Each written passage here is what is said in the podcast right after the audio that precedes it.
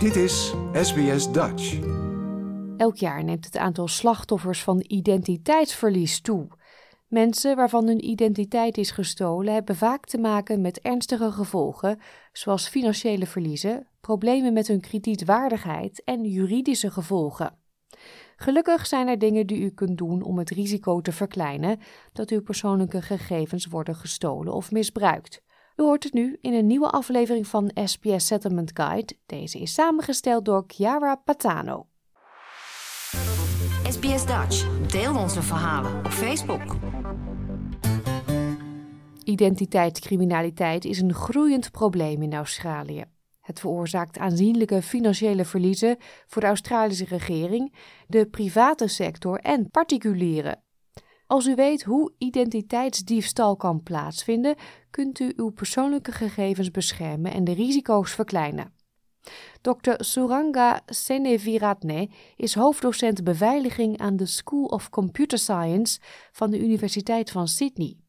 Identiteitsdiefstal is wanneer persoonlijke gegevens van een persoon worden gestolen en gebruikt worden voor frauduleuze doeleinden en financieel gewin, zo legt hij uit. This usually involves a scammer or an attacker taking a credit card on behalf of someone else, or in worst case, like taking a tax return, social benefits, or even a loan by exploiting or by using personal information of someone else. The target person might be totally oblivious to the fact that actually he's being exploited.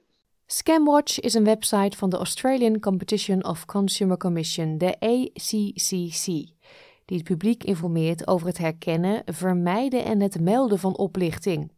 Volgens de site werd er in Australië in 2022 568 miljoen dollar aan verliezen door oplichting gerapporteerd.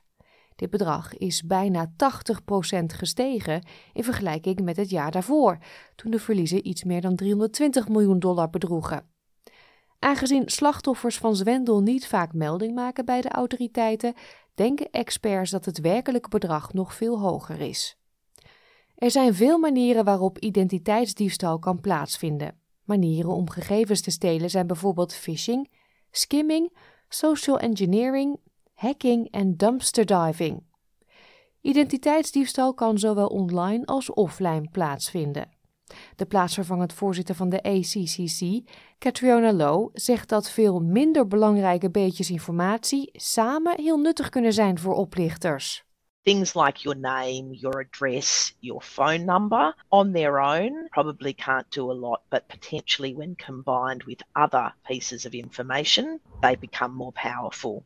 there are identity documents that are particularly sought after. So, the ones to be particularly careful about are driver's license, passport, and Medicare card, but even simple documents like old bills or bank statements can still provide some valuable information. Oplichters kunnen via openbare bronnen mogelijk meer over u te weten komen. Dr. Low zegt dat dit ook gaat om sociale media-accounts waarop foto's en andere informatie over uw familie staat. We hear of instances where scammers might utilize photographs from a social media feed or other details that again can be used to pad out, if you like, the fake picture that the scammers are creating. So, again, the message really is be very careful about sharing personal information. Wat kunnen cybercriminelen doen als ze deze informatie eenmaal hebben? Dr. Low zegt dat dit afhangt van de kwaliteit en de hoeveelheid persoonlijke informatie die de oplichters hebben verzameld. They might access and drain your own bank account. They might open new bank accounts in your name or take out loans or lines of credit. They might take out a phone plan or other contracts. They might seek to purchase expensive goods in your name, gain access to online government services, try and access your email to get even more sensitive information. They might access your social media account and impersonate you, or indeed, they might use that identity as the foundation of new scams. Dr. Low raadt aan om eerst twee keer na te denken voordat u uw persoonlijke gegevens invoert op een onbekende website. En daaronder vallen ook online winkels.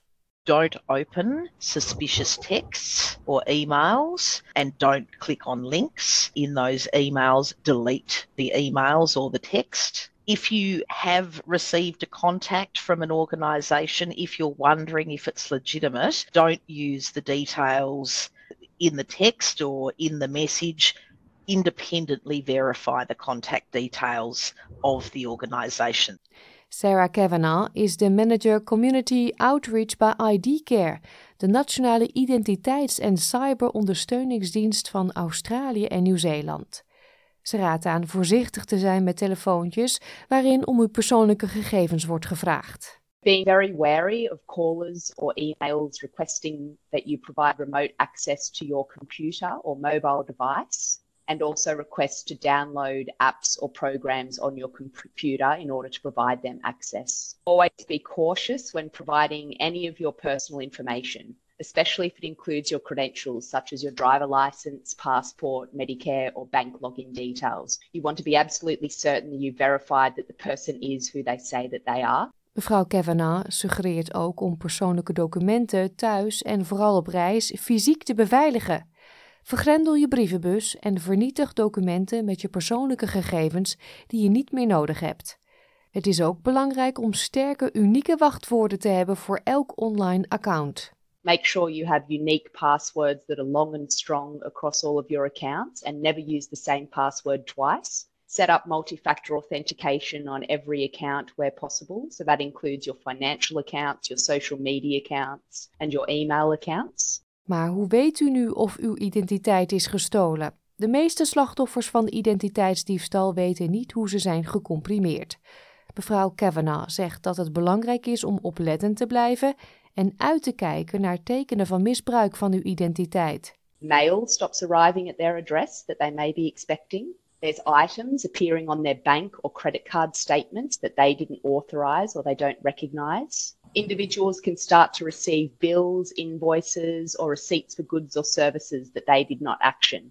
Or all of a sudden, in the process of applying for a loan, it's refused due to a poor credit rating, despite the individual not having any negative changes in their financial situation. Ze raadt ook aan om contact op te nemen met ID Care als u vermoedt dat uw identiteit is gestolen. Een adviseur legt u stap voor stap uit wat u moet doen. Het is ook belangrijk om onmiddellijk contact op te nemen met relevante organisaties en uw online accountgegevens te controleren. You want to go in and reset all your passwords and pins across your accounts and turn on multi-factor authentication where you can and then check for any changes in contact details linked to those accounts.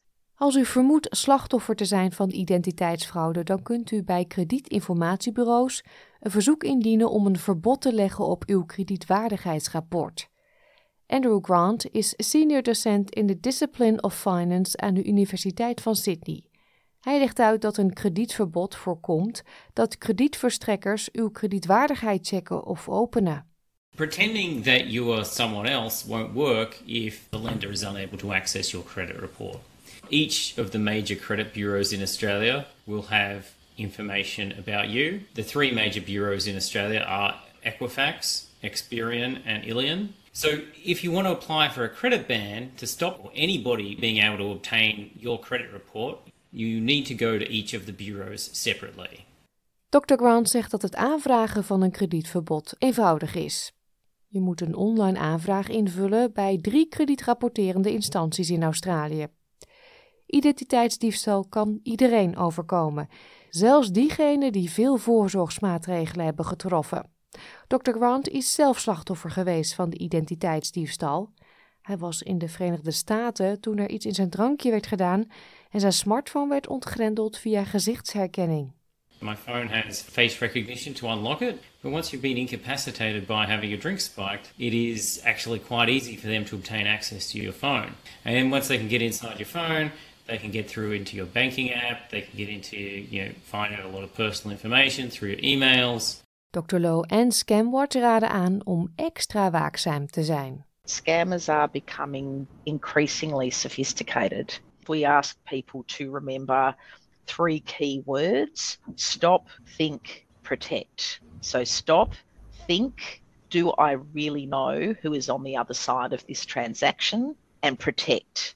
If you are concerned that you might have been a victim of a scam, contact ID Care and your bank and report the matter to Scamwatch. Kijk dus uit waar en met wie u uw persoonlijke informatie deelt. Een gewaarschuwd mens telt voor twee. Like, deel, geef je reactie.